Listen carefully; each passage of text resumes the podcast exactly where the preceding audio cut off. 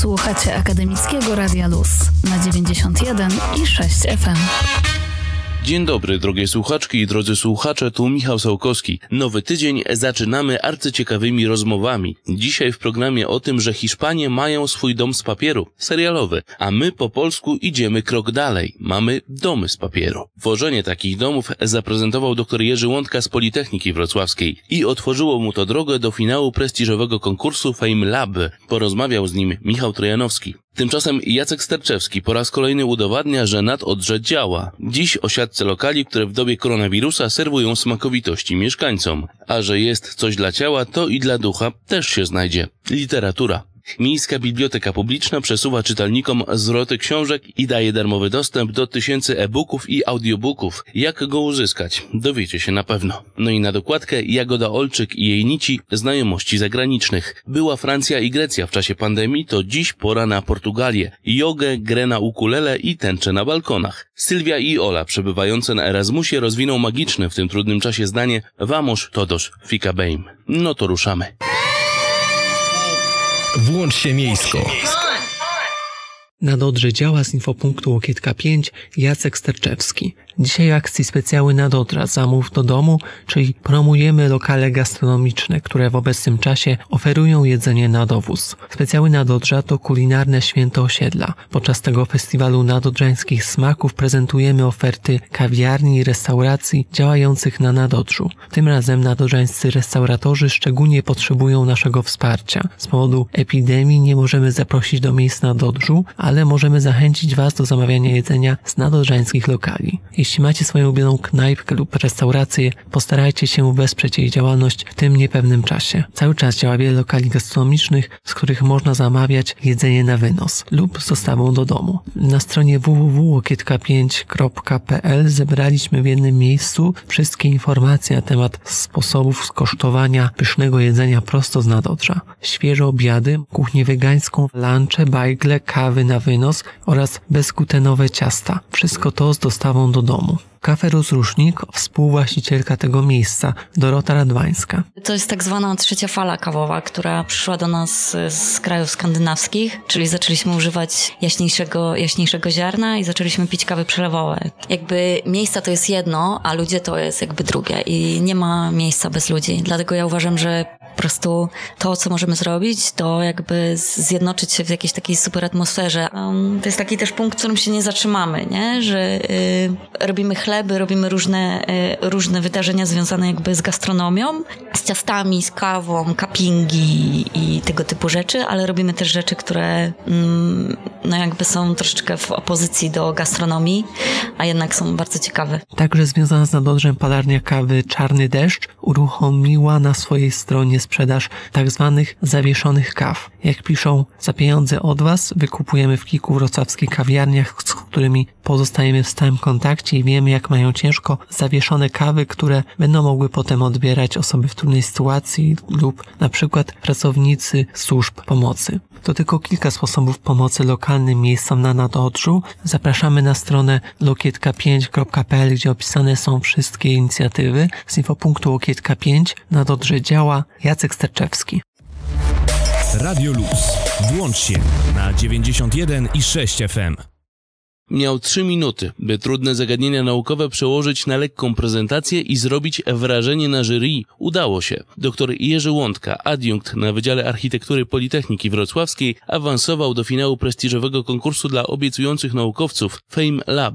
O zmaganiach opowiada Michałowi Trojanowskiemu. Ze mną e, na łączach jest dr Jerzy Łądka, adiunkt na Wydziale Architektury Politechniki Wrocławskiej i również uczestnik e, konkursu FameLab. No i po pierwsze gratuluję e, dostania się do finałowej dziesiątki, no i po drugie chciałbym się zapytać o wrażenia z tego konkursu. Dzień dobry, dzień dobry Państwu. Bardzo dziękuję za, za gratulacje. FameLab to jest taka, nie wiem, organizacja, która, która ma na celu umożliwienie przekazywania wiedzy naukowcom, do szerokiej publiczności w taki, nazwijmy to, dostępny sposób. Zgłoszenie polegało na tym, że trzeba było nagrać krótki filmik do trzech minut, który prezentował jakąś dziedzinę nauki. Były bardzo różne dziedziny nauki, w której osoba zgłaszająca się miała opowiedzieć o tym, czym się zajmuje. No i z osób, które, które wysłały to zgłoszenie w postaci tego filmu i wypełnionego formularza, wyłoniona została dwudziestka półfinalistów. Oni zaś spotkali się E, na półfinale w Centrum Nauki Kopernik i tam każda z tych osób zaprezentowała e, już na żywo przed publicznością, ale też przed znamienitym jury swoje pasje i zainteresowania naukowe. Rzeczywiście spotkanie było bardzo intensywne, bo, bo sama prezentacja trwała trzy minuty, natomiast oprócz tego jeszcze były komentarze od e, członków jury. Bardzo fajnie całość spiął pan Jan Wrubel, dziennikarz i, i, i nauczyciel w jednej ze szkół średnich w Warszawie. Także on wprowadził dość dobrą przyjemną atmosferę. Natomiast jak mówiłem, jeżeli chodzi o atmosferę, to, to była bardzo pozytywna dzięki e, prowadzącemu i dzięki całej publiczności, ale bardzo intensywnie przebiegały wszystkie prezentacje, bo każda z osób była, no, mogę powiedzieć, że perfekcyjnie przygotowana. O bardzo różnych tematach były prezentacje, od e, fizyki, przez biologię, przez pamięć mięśniową, przez architekturę, tak jak w moim przypadku, czy, czy chemię, na przykład strukturę budowy czekolady i jak ta struktura wpływa na jej smak. Trudno jest przygotować prezentację w trzy minuty? Tak, to jest, y, zwłaszcza, że ja przeważnie, znaczy nie umiem się nauczyć czegoś na pamięć, jeżeli prezentuję to zawsze i mówię, że tak powiem, od serca, od siebie i to wtedy w jakiś sposób, co też zresztą takie komentarze dostałem, że, że, że, że przez to, że trzeba się zmieścić te trzy minuty, no to należało się nauczyć, albo przynajmniej bardzo dobrze wiedzieć dokładnie, o których punktach się będzie mówiło, po to, żeby ten czas, żeby się trzymać rygoru, rygoru czasowego. Najgorsze było to, że gdzieś tam w tle widać było tykający zegar, jak ten e, czas ucieka i, i, i oczywiście trzeba było utrzymać spokój, żeby przekazać wszystko to, co zamierzone. Przy czym właśnie przez to, że, że ten tekst był niemalże znany na pamięć, z jakimiś tam małymi możliwościami zmiany czy dopasowania się do, do, do, do publiczności czy do reakcji, że tak powiem, to jednak było to takie trochę usztywnione i było to dość dużym wyzwaniem. Widać było, że większość ludzi właśnie miała, była tak przygotowana, że, że, że znała najprawdopodobniej tekst, albo przynajmniej dokładnie wiedziała, o czym chce mówić, no bo były też zaaranżowane różnego rodzaju e, artefakty, które wspomagały. Ja akurat nie miałem ze sobą, postanowiłem, że będę tylko mówił, ale większość, na zasadzie wszyscy oprócz mnie. A jakie na przykład? E, no, na przykład jedna z osób, to było takie dość charakterystyczne, opowiadała o tym, jak e, jako laborantka pracuje nad grzybami i opowiadała to z perspektywy tego grzyba. Przebrała się tego grzyba i mówiła, jak to wygląda z jej perspektywy. Inna z kolei osoba, która opowiadała o pamięci mięśniowej, miała taki no, naklejony tatuaż pokazujący mięśnie na swoim ramieniu i opisywała je. Inny z kolei e, kolega miał jakieś e, meteoryty e, w kieszeni schowane, o których opowiadał, czy na przykład właśnie wspomniana przeze mnie autorka prezentacji o czekoladzie, również przyniosła tabliczkę czekolady. No i też na bazie tej czekolady chciała też poczęstować prowadzącego, ale, ale zachwycała się smakiem, delikatnością i strukturą tej czekolady, opowiadając o jej budowie krystalicznej. Spodziewał się pan tego, że dostanie się pan do tej najlepszej dziesiątki z dwudziestki? Nie, powiem szczerze, i nie jest to, nie jest to jakaś udawana skromność, tylko widziałem, znaczy miałem to szczęście albo nieszczęście, że wylosowałem, czy został mi wylosowany numerek pierwszy, więc byłem na samym początku i później już z takim oddechem mogłem spokojnie oglądać te prezentacje, skupiając się na tych prezentacjach, a nie powtarzając cały czas w głowie, e, czy ćwicząc sobie wystąpienie. To jest pewien komfort. Dokładnie. No i widziałem, widziałem jakość tych prezentacji, widziałem jakość przygotowania do tych prezentacji, więc szczerze mówiąc nie zakładałem, że przejdę, dlatego tak spokojnie już na koniec siedziałem na zakończenie, czekając na zakończenie całej imprezy, no i, no i nagle wypadło moje imię. Trochę jak na Oscarach, bo nie wiedzieliśmy co i jak, także zostałem tam e, wywołany na scenę. Bardzo oczywiście to było miłe, mm, ale tak jak mówię, no, no, no poziom był bardzo wysoki i, i, i równy większości prezentacji. Pana prace skupiają się, można powiedzieć, na temacie papieru. Skojarzenie pierwsze, które trafiło mi się do głowy, bo no, te czasy licealne są mi jeszcze dosyć bliskie. Jak przerabialiśmy przedwiośnie Żeromskiego, to Seweryn Baryka opowiadał o szklanych domach. Pan proponuje domy papierowe. Tylko, że te szklane domy były marzeniem o czymś nieosiągalnym. Papierowe domy też są czymś nieosiągalnym dla nas? Myślę, że na ten moment są czymś nieosiągalnym, ale za chwilę powiem dlaczego. Natomiast ponieważ w przedwiośniu szklane domy to była pewna idea, idea rozwoju dobrobytu krajów Polski, naszej ojczyzny. U mnie z kolei te, te, te, te szklane domy z papieru, jeżeli tak można powiedzieć, albo papierowe domy pokryte e, szkłem wodnym, bo to też się e, stosuje do impregnacji papieru, są bardziej taką ideą mówiącą o realizowaniu, budowaniu możliwości tworzenia architektury, która wcale nie musi być tymczasowa, bo są przykłady obiektów, które są już dwadzieścia kilka lat e, użytkowane i są wykonane w konstrukcjach papierowych, ale może być to taka przestrzeń czy taka architektura, która jest wykorzystywana przez jakiś określony czas i to może być kilka tygodni, kilka miesięcy lub kilka lat. Oczywiście wszystko w zależności od tego, jak on zostanie e, potraktowany, zaimpregnowany. Tutaj takim przykładem tego najkrótszego okresu jest taki produkt zresztą studenta, z którym miałem do czynienia jeszcze jak e, uczyłem w Delft na Politechnice. I to są tekturowe namioty, które on dowodzi na duże imprezy, festiwale typu Stock na przykład, czy Poland Rock, tak to się teraz nazywa. E, I dla wszystkich osób, które zapomną albo z jakichś powodów nie, nie były w stanie przywieźć swojego namiotu, można tam za groszowe sprawy kupić taki namiot, który można spędzić dwie, trzy, cztery doby i później ten namiot jest poddany recyklingowi. Z drugiej strony jest na przykład dom Shigerubana, Paper House, zbudowany w 1995 roku, który wciąż może nie tyle jest w użyciu, bo akurat Shigeruban, japoński architekt, on, e, ja śmieję się, że on mieszka w samolotach, bo ma, posiada biuro w, w Tokio, w Japonii, e, w Paryżu, w, we Francji, w Nowym Jorku więc w zasadzie cały czas jest pomiędzy. Natomiast tak jak widać, można budować różne e, obiekty na różny okres. A dlaczego to jest wciąż marzenie? No przede wszystkim z tego powodu, że papier jest nierozpoznany jeszcze jako materiał budowlany. Więc to, co my robimy, to są cały czas pewnego rodzaju eksperymenty, które mają tą ścieżkę w jakiś sposób przeciąć. Ale jest też grupa na przykład w Niemczech, w Holandii, e, była grupa w Szwajcarii, która się zajmowała takimi badaniami. Mówimy o dopełnieniu obecnego budownictwa, czy o całkowitej e, zamianie, że kiedy kiedyś wszyscy będziemy e, mieszkać w takich papierowych domach? Czy to jest przyszłość w budownictwie? Mm, myślę, że na ten moment możemy, to jest bardzo e, dobra uwaga, czy dobre pytanie. Myślę, że na ten moment możemy mówić o pewnego rodzaju właśnie dopełnieniu, wypełnieniu niszy, która się pojawia. Chociażby patrząc na, na systemy ścian działowych, które mogły być wykonywane z takich materiałów przyjaznych środowisku, łatwych w obróbce. Chociażby to, co się pojawia już jako produkty, czyli celuloza wykorzystywana jako pewnego rodzaju izolacja, którą można by było zastosować czy, czy, czy na poddaszach, czy na ścianach, czy pomiędzy stropami. Ale pojawiają się też takie obiekty jak obiekty festiwalowe, obiekty, można powiedzieć, małej architektury albo pewnego rodzaju konstrukcje, jak różnego rodzaju pawilony. Jeden z takich pawilonów w tej chwili, czy obiektów, tak zwany obiekt niemożliwy, znajduje się przed wejściem do Muzeum Architektury. To jest, to jest obiekt, który zrealizowaliśmy ze studentami Koła Naukowego Humanizacja Środowiska Miejskiego. I on też jest no, taką formą przestrzenną, architektoniczną, wykonaną z papieru, no i w tej chwili już piąty miesiąc sobie tam stoi, więc, więc można na pewno na ten moment, patrząc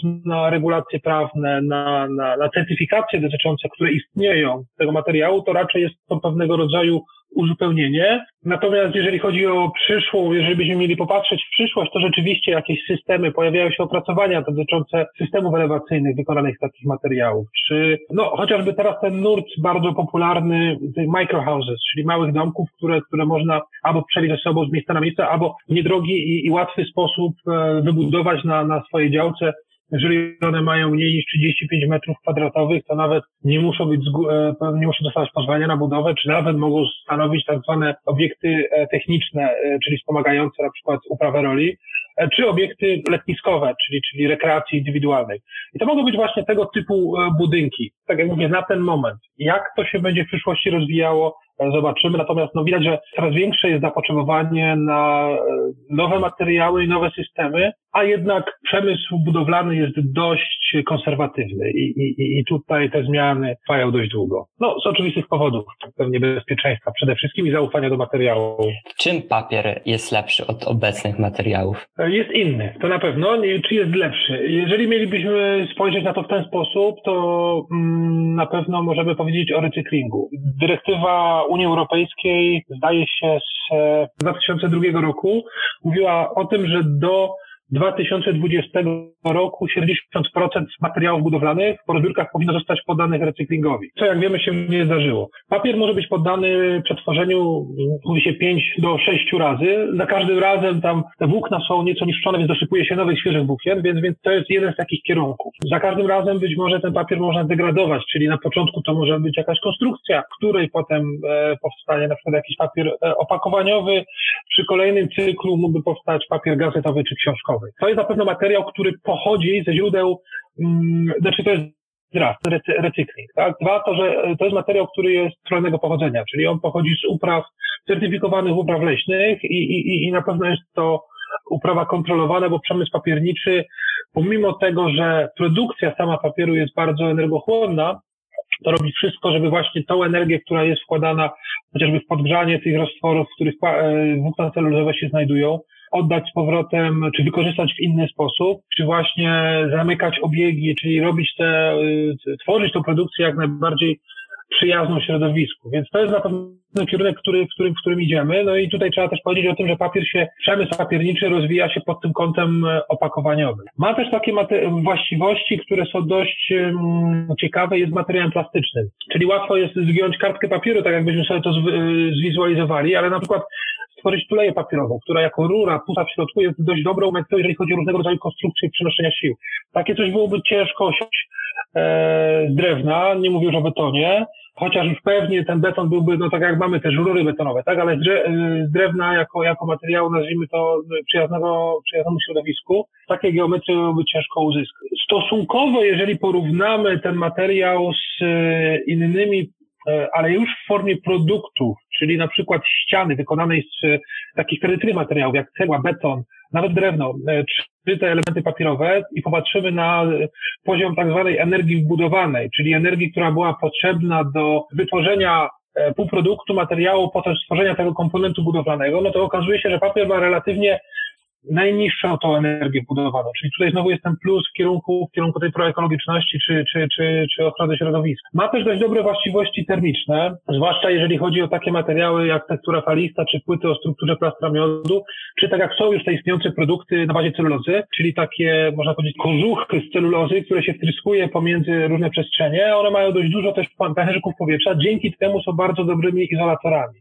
Więc to też wpływa na obniżenie zapotrzebowania na energię do ogrzewania obiektu. No, według mnie jest materiałem bardzo takim ciepłym i, i, pięknym, jeżeli chodzi o dotyk, o kontakt. Także to też jest pewne w porównaniu na przykład, chociaż niektórzy oczywiście lubią i takie surowsze rozwiązania jak stal, beton czy szkło. Jeżeli chodzi o minusy, to na pewno trwałość tego materiału, jego właściwości, które, które powodują, że ten materiał pełza, to można powiedzieć, że tu ten materiał przegrywa z tradycyjnymi materiałami. Co z meblami z papieru? To jest w ogóle nurt, który jest dość popularny już chyba od lat, od końca lat 60. pojawił się pierwszy taki mebel Franka Gerego, to była cała seria, która się nazywała Whittle Side Chair. Frank Gery to znakomity architekt, zdobywca nagrody Pritzkera, czyli tego Nobla w dziedzinie architektury, podobnie zresztą jak Shigeru Ban, wspomniany przeze mnie Japończyk, który zajmuje się tą architekturą papierową, jest można powiedzieć ojcem tej współczesnej architektury papierowej.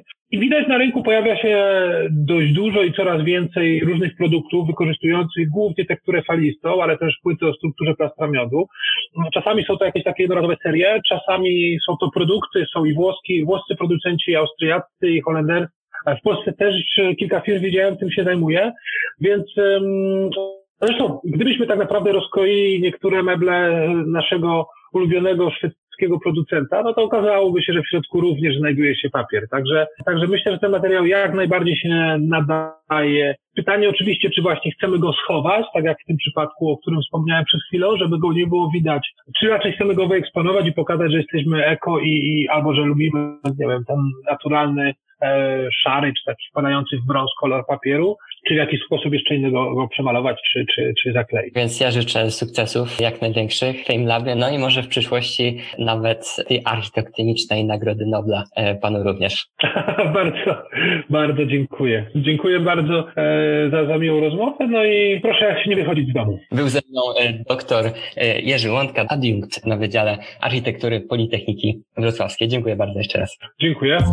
Radio Luz 91 i 6 FM. Go ahead.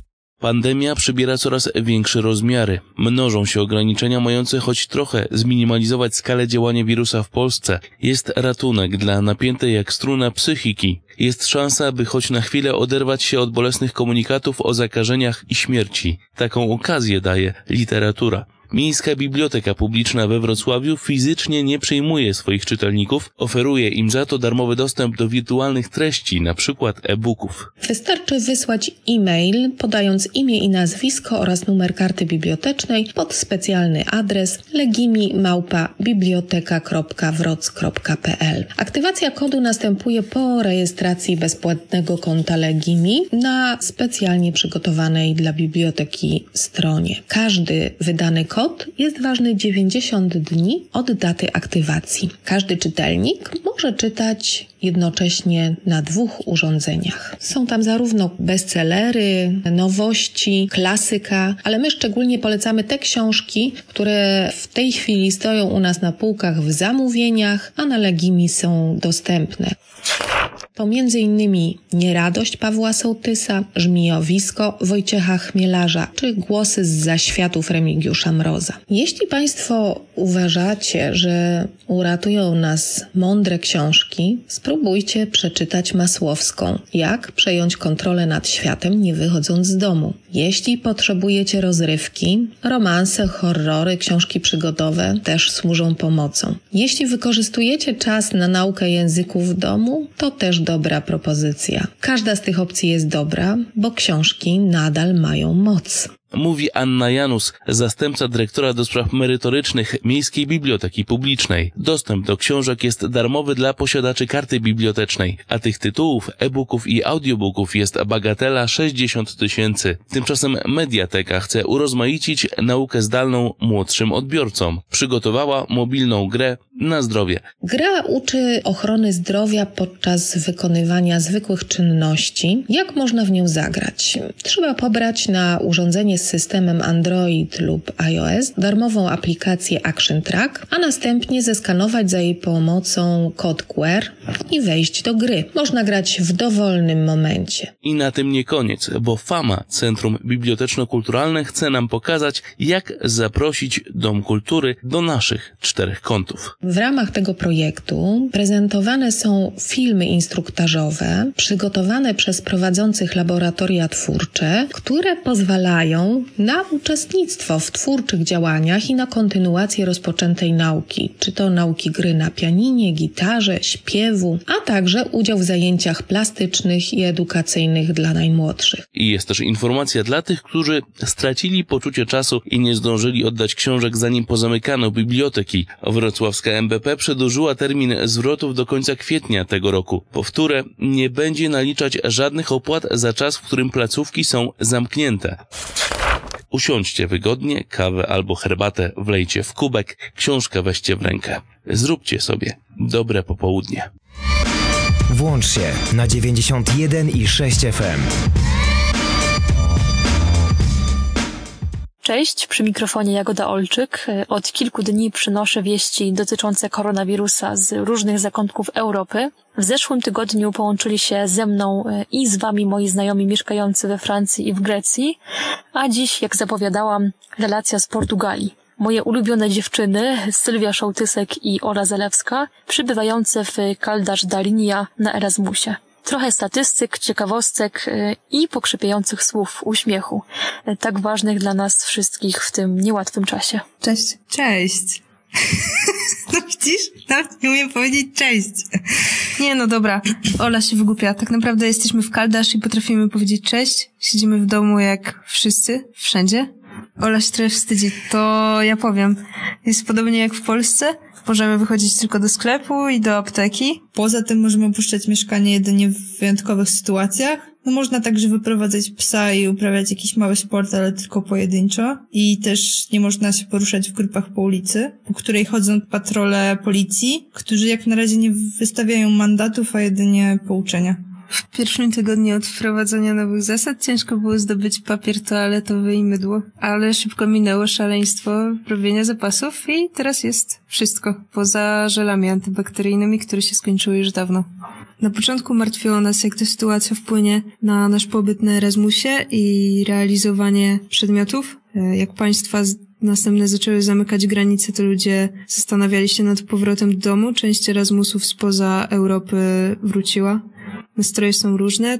To jest trochę rozczarowujące, że nasza przygoda z Portugalią jeszcze się dobrze nie zaczęła i zdarzyło nam się akurat teraz mierzyć się z tą sytuacją, ale większość osób jest optymistycznie nastawiona. Podchodzimy odpowiedzialnie do zaleceń i wierzymy, że jeszcze przed końcem naszego pobytu tutaj wyjdziemy z domu łapać fale i zostaniemy mistrzami surfingu.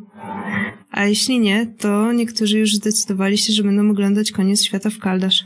Ogólnie to e, małe miasteczko, więc nie odczuwamy tego wszystkiego tak bardzo, bo niewiele się zmieniło w intensywności życia miasta na zewnątrz. Pierwszy przypadek zakażenia wirusem w Portugalii został potwierdzony 2 marca w Porto. Od tego czasu bardzo szybko powiększa się liczba chorych. Według raportu WHO z 31 marca mamy 6400 zakażonych, a samych podejrzanych 52 tysiące. Zmarło 140 osób. Prawie 600 osób jest hospitalizowanych. Służba zdrowia jest już mocno nadwyrężona. Jest coraz więcej zachorowań wśród lekarzy. Na szczęście szpitale nie są jeszcze przepełnione. Rząd stara się zadbać o wyposażenie szpitali. Zakupił 4 miliony maseczek i 500 respiratorów. Portugalia posiadała ich zaledwie 1200. Zakupiono też 200 tysięcy testów, a do tej pory wykonano ich już 36 tysięcy. Prywatne firmy także oferują swoją pomoc, dokupując kolejne respiratory i wyposażenie do szpitali. Taką pomoc zaoferował też e, znany piłkarz Cristiano Ronaldo, który zafundował 20 łóżek intensywnej opieki e, do szpitali oraz e, pełne wyposażenie do nich. Jeśli chodzi o nasz dostęp do opieki, jako że nie jesteśmy obywatelkami Portugalii, to od 28 marca rząd przyznał nam takie same prawa do opieki zdrowotnej, jaką mają obywatele kraju. Tak jak wszędzie udostępniane są koncerty i spektakle online, jest akcja Stowarzyszenia Kultury Interior, hashtag Kultura w Domu, która jest e, dobrą okazją do publikowania nieznanych projektów i dzielenia się pracami ludzi, którzy potrzebują wsparcia w swojej działalności. W naszym mieście ludzie wywieszają tęcze narysowane w oknach z napisem Wszystko będzie dobrze i my też taką mamy. Staramy się robić fajne rzeczy poza obowiązkami. Mamy czas na rzeczy, na które nigdy nie było czasu i na próbowanie nowych rzeczy, na przykład rzeźbienie w glinie albo granie na ukulele. Robimy codziennie jogę. Tak. I dużo jemy, ale nowych rzeczy, bo tu są inne rzeczy niż u nas. I staramy się utrzymywać kontakt z ludźmi. My jesteśmy tutaj w dobrej sytuacji, bo przyjechałyśmy razem i mieszkamy razem, więc mamy realny kontakt z drugim człowiekiem, czyli sobą nawzajem i możemy sobie pograć w gry albo na przykład porozmawiać na żywo. A z tym końcem świata w Kaldasz wcześniej to był żart, bo tak naprawdę to vamos todos ficar bem. Pewnie źle to przeczytałam, ale to znaczy, że wszystko będzie dobrze, więc się trzymajcie. Te proste słowa w języku portugalskim brzmią według mnie szczególnie przekonująco, aby stały się spełnioną przypowiednią. Mówiły do Was Sylwia Szołtysek i Ola Zelewska. Pozdrawiam je serdecznie i Wam życzę dużo zdrowia. Jagoda Olczyk, dzięki i do usłyszenia. Akademickie Radio Luz.